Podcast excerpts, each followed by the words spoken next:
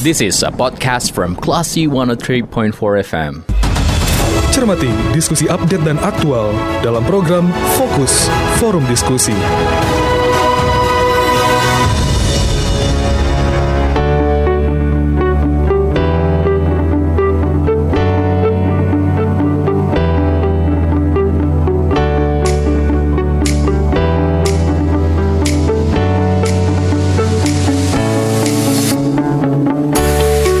Info Kelas CFM, this is the actual radio.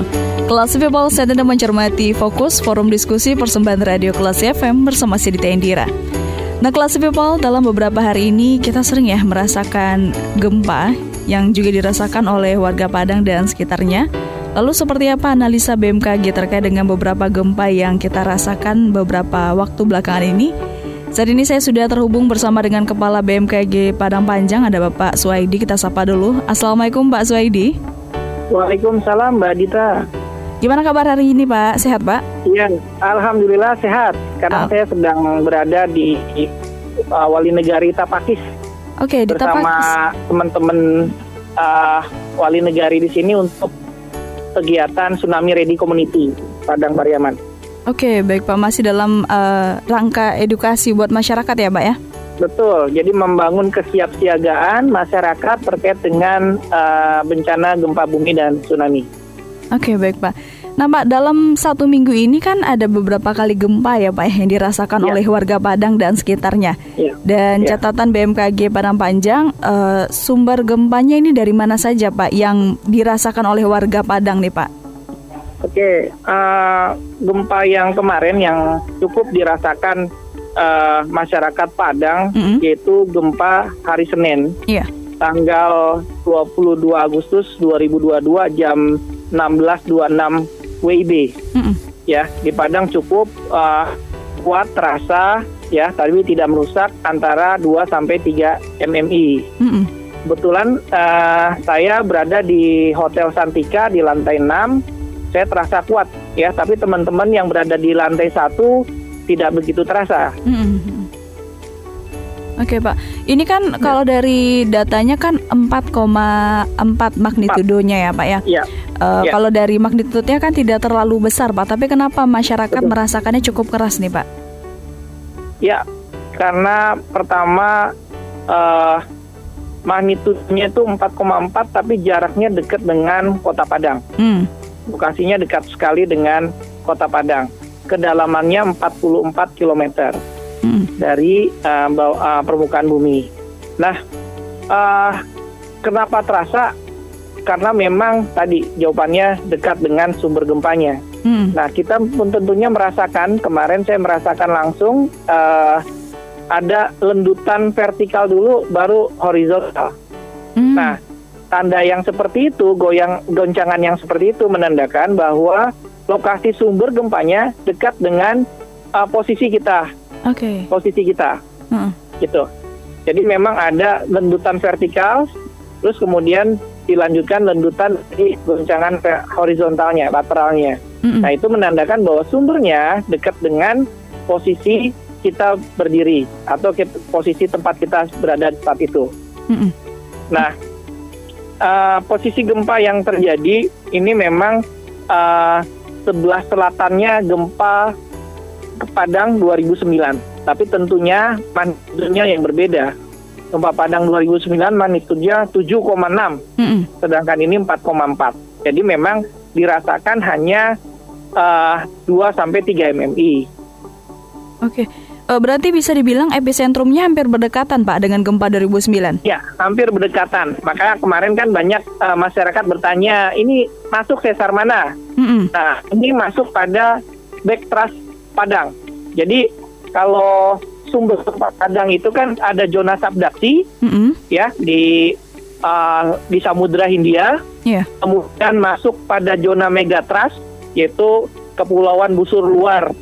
Uh, apa namanya Sumatera seperti Mentawai, Nias itu zona megatras. Nah di Sumatera Barat itu megatras Mentawai. Mm-hmm. Kemudian di antara Kepulauan Mentawai dan Pulau Sumatera, Padang itu namanya ada zona Dektras, okay. ya. Nah ini zona yang sama dengan zona gempa Padang 2009. Hmm. Nah, selanjutnya ada zona Sumatera Fault System uh, uh, yang kebetulan dilewati oleh beberapa segmen sesar Sumatera, yaitu Cianjur, Sumani, Suliti, Piulak, Angkola, dan Barumun. Hmm. Oke, okay. berarti yang kemarin 4,4 itu masuk ke backtrust tadi, Pak? Backtrust, iya. Iya, jadi zonanya bersama dengan zona gempa Padang 2009 dengan magnitudo 7,6. Oke Pak, dan yang juga menjadi banyak pertanyaan sama masyarakat ya Pak ya, apakah memungkinkan nantinya aktivitas gempa ini ada susulannya Pak? Ya, sampai saat ini tidak ada susulan, jadi uh, ini gempa tunggal ya, hmm. gempa tunggal mungkin uh, segmen back trust tadi memang patah, tapi luasannya tidak terlalu luas, maka terjadi gempa tunggal, tidak ada aftershocknya. Mm -mm. Oke okay, baik Pak. Dan dengan kedalaman 44 km, kilometer. Pak. Ini ya, masuk ya. kategori ya. dangkal atau sedang, Pak? Masih dangkal. Masih dangkal ya, Pak ya? Ya. Oke. Dan ini kan dirasakan uh, oleh masyarakat ini, Pak. Uh, apa yang ya. harus uh, dilakukan oleh warga uh, jika mengalami kondisi yang sama kembali, Pak? Oke. Jadi yang perlu dibangun oleh warga adalah meningkatkan kesiapsiagaan, waspada, tapi tidak membangun kepanikan dan ketakutan. Mm. Nah, kami BMKG bersama-sama dengan BPD Sumatera Barat selalu bekerja sama, di mana BMKG mempunyai tugas dan fungsi memberikan informasi fenomena kejadian alam yang terjadi, sumbernya di mana, parameternya seperti apa, sedangkan BPD Sumatera Barat bertugas untuk memberikan informasi itu langsung kepada masyarakat dan melakukan edukasi ke masyarakat. Nah, saat ini BMKG dan uh, eh, BBD Padang dan BBD Padang Pariaman sedang membangun suatu komunitas baru yang disebut dengan komunitas siaga tsunami, masyarakat siaga tsunami. Tentunya bersama juga dengan teman-teman LSM dari Kogami.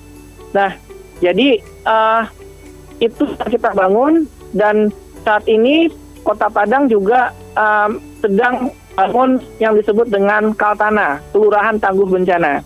Nah, dari situ kita selalu bersinergi bagaimana mengedukasi masyarakat supaya masyarakat paham ketika terjadi bencana dan melakukan mitigasi-mitigasi yang dianggap perlu, ya, hmm. sehingga uh, masyarakat secara cerdas di sini, ya, di salah satu program BBD juga ada uh, apa namanya keluarga cerdas bencana ya. Sehingga masyarakat dapat cerdas membaca informasi BMKG tidak panik yang ada adalah kewaspadaan dan kesiapsiagaan uh, semoga uh, kita bisa uh, target kita bahwa masyarakat Padang dan uh, Sumbar ya memiliki kemampuan beradaptasi terhadap bencana. Hmm. Oke okay, Pak, berarti kan ini cukup masif saat ini untuk uh, edukasi masif. masyarakat ya, dari masif. BMKG ya. dan juga stakeholder Betul. terkait. Dan um, untuk analisa dari BMKG, Pak, apakah saat ya. ini memang sedang aktifnya beberapa uh, sesar ataupun mungkin patahan yang menyebabkan mungkin ada beberapa kali gempa yang membuat masyarakat sempat merasakannya gitu, Pak? Ya, jadi aktivitas tektonik ya itu memang setiap hari kita catat ya. Hmm. Sama untuk gempa-gempa yang di bawah 4 itu banyak sekali ya. Itu pada segmen sesar Sumatera maupun pada megatrust Tawai untuk wilayah Sumatera Barat. Hmm. Itu setiap hari kami catat ya. Setiap hari kami catat dan alhamdulillah ya, gempa-gempanya itu kecil-kecil.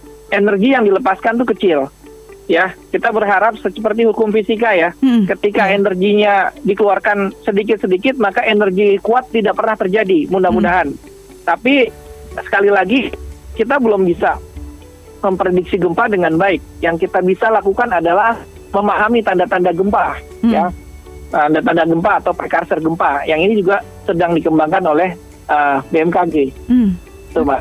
Oke Pak, jadi yang mungkin perlu dipahami oleh masyarakat Pak karena kita berkaca dari pengalaman gempa di tahun 2009 uh, eh, itu kan uh, gempa besarnya diawali dengan gempa kecil ya sebelumnya ya Pak ya. Dan kalau ya, kita sama seperti Pasaman Barat juga. Nah, gempa kecil dulu, cetek baru gempa kuatnya jebret. Hmm, ya. Nah, Di kondisi ini, kapan masyarakat perlu mewaspadai uh, kondisi gempa baik itu mungkin kecil tapi terasa? Nah, kapan nih Pak masyarakat perlu antisipasi lebih lebih ini lebih iya. lebih detail ya, lah gitu. Intinya bagaimana masyarakat melakukan evakuasi mandiri gitu ya. Mm. Ketika dirasakan ada gempa kuat yang terjadi. Kan gitu ya. Mm. Nah, jadi uh, uh, gini tetap uh, pedomi pedomi uh, skala MMI. Skala MMI itu kita selalu edukasi ke masyarakat. Kalau misalnya satu MMI itu seperti trek lewat, dua MMI kaca bergetar, tiga MMI MMI itu uh, terjadi lampu yang digantung bergoyang-goyang, empat mm -hmm. MMI itu ada keretakan di ini dan sampai 8 MMI yang hancur ya. Yeah. Nah, ketika uh, gempa itu kita rasakan pertama satu ketika goncangannya itu vertikal dulu baru uh, apa namanya baru horizontal. horizontal maka kita pastikan itu gempanya sumber gempanya dekat dengan kita mm. Mm ya berjarak kurang dari 100 kilo mm tapi kalau gon uh, yang dirasakan uh, langsung uh, goncangan uh, lateral atau horizontal itu bisa jadi bahwa gempanya itu cukup jauh tapi kalau goncangannya itu kuat, ya, mm-hmm. maka kita bisa melihat bahwa ini mungkin ada tsunami, kan gitu. Kalau kita nggak bisa bangun, kita berdiri aja nggak kuat, mm-hmm. tapi uh, apa namanya, go, langsung gerakan goncangannya itu lateral atau mm-hmm. horizontal, mm-hmm. sumbernya pasti dipastikan itu dari laut. Untuk wilayah Kota Padang ya beda lagi nanti wilayah pesisir ya. Beda yeah. lagi nanti di kota mana? Uh -uh. Di Pegunungan Tengah ya. Uh -uh. Untuk wilayah Kota Padang dan sekitarnya pesisir uh, pesisir barat nih, pesisir Sumatera bagian Sumatera Barat. Yeah. Nah, jadi itu itu yang harus dipastikan dulu. Kalau kita nggak bisa bangun ketika terjadi gempa kuat, nggak bisa berdiri dengan baik, itu dipastikan magnitudnya lebih dari 6. Ya. Mm -hmm. Atau 7. Bahkan kita nggak bisa berjalan sama sekali, itu 7. Nah, kalau udah 7, ya kan? Mm-hmm. Berpikirlah cepat untuk segera keluar ruangan dan menjauh dari pantai. Oke, okay, baik Pak. Gitu. Nah, kalau seandainya goncangan itu ini nggak perlu uh, misalnya di gedung atau di kayak kemarin ya, mm-hmm. misalnya kejadian di Padang tuh, mm-hmm. saya rasa sih nggak nggak terlalu terjadi kehebohan ini ya sampai evakuasi gedung tinggi ya. Mm. Sepertinya masyarakat Padang sudah sering mengalami ini udah mulai uh, memahami karakter gempanya. Jadi ya hanya oh ya dia cukup mencari lokasi-lokasi yang kalau di dalam ruangan lokasi yang segitiga kehidupan. Mm-hmm. Artinya uh, kolom daerah uh, kolom-kolom ya di pojokan gitu yang ada besinya kalau di pojokan, terus menjauh dari gantungan-gantungan yang ada di langit-langit yang di plafon. Mm-hmm. Nah itu Nah, tapi ketika gempanya itu berhenti, takutnya terjadi gempa susulannya. Nah, iya. Segeralah keluar. Segeralah keluar ke ke luar rumah, ya. Nah, tapi kalau misalnya dirasakan goncangannya sampai tidak bisa berdiri, langsunglah menjauh dari pantai. Oke, okay, baik Pak. Um, itu gambaran. Kita punya golden uh, time sekitar uh -huh. 20 menit. Oke, okay, 20 menit dan ini untuk berdasarkan EM, uh, eh, MMI tadi ya Pak ya. Kalau untuk uh, gempa kecil berarti tidak ada yang perlu diwaspadai Pak atau ada yang menjadi catatan seperti yang ya, gempa 4,4 gempa yang kayak kemarin ya, mm -hmm. gempa yang di bawah 5 magnitude 5 mm -hmm. itu cukup kita kalau misalnya di dalam ruangan segera menjauh dari gantungan mm. yang digantung. Ya, gantungan yang di plafon atau yang dekat supaya kita tidak tertiban. Mm -hmm. Mm -hmm. Oke. Okay. Itu aja, Mbak. Nah, untuk kekhawatiran akan adanya gempa susulan Pak dengan skala Richter yang seperti kemarin, itu apa yang perlu kita lakukan sebagai antisipasi, Pak?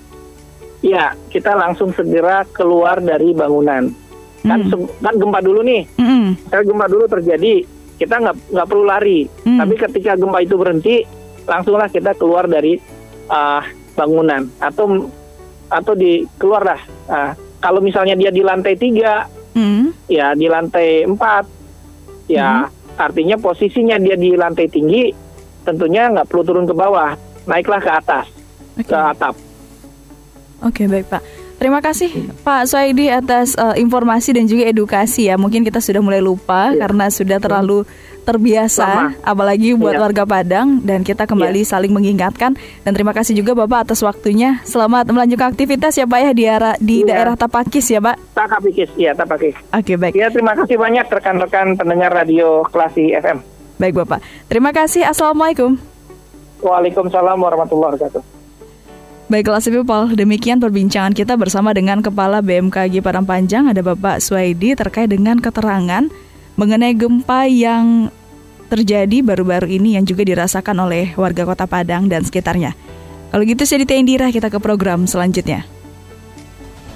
Terima kasih. Anda baru saja mencermati forum diskusi Onion Classy FM.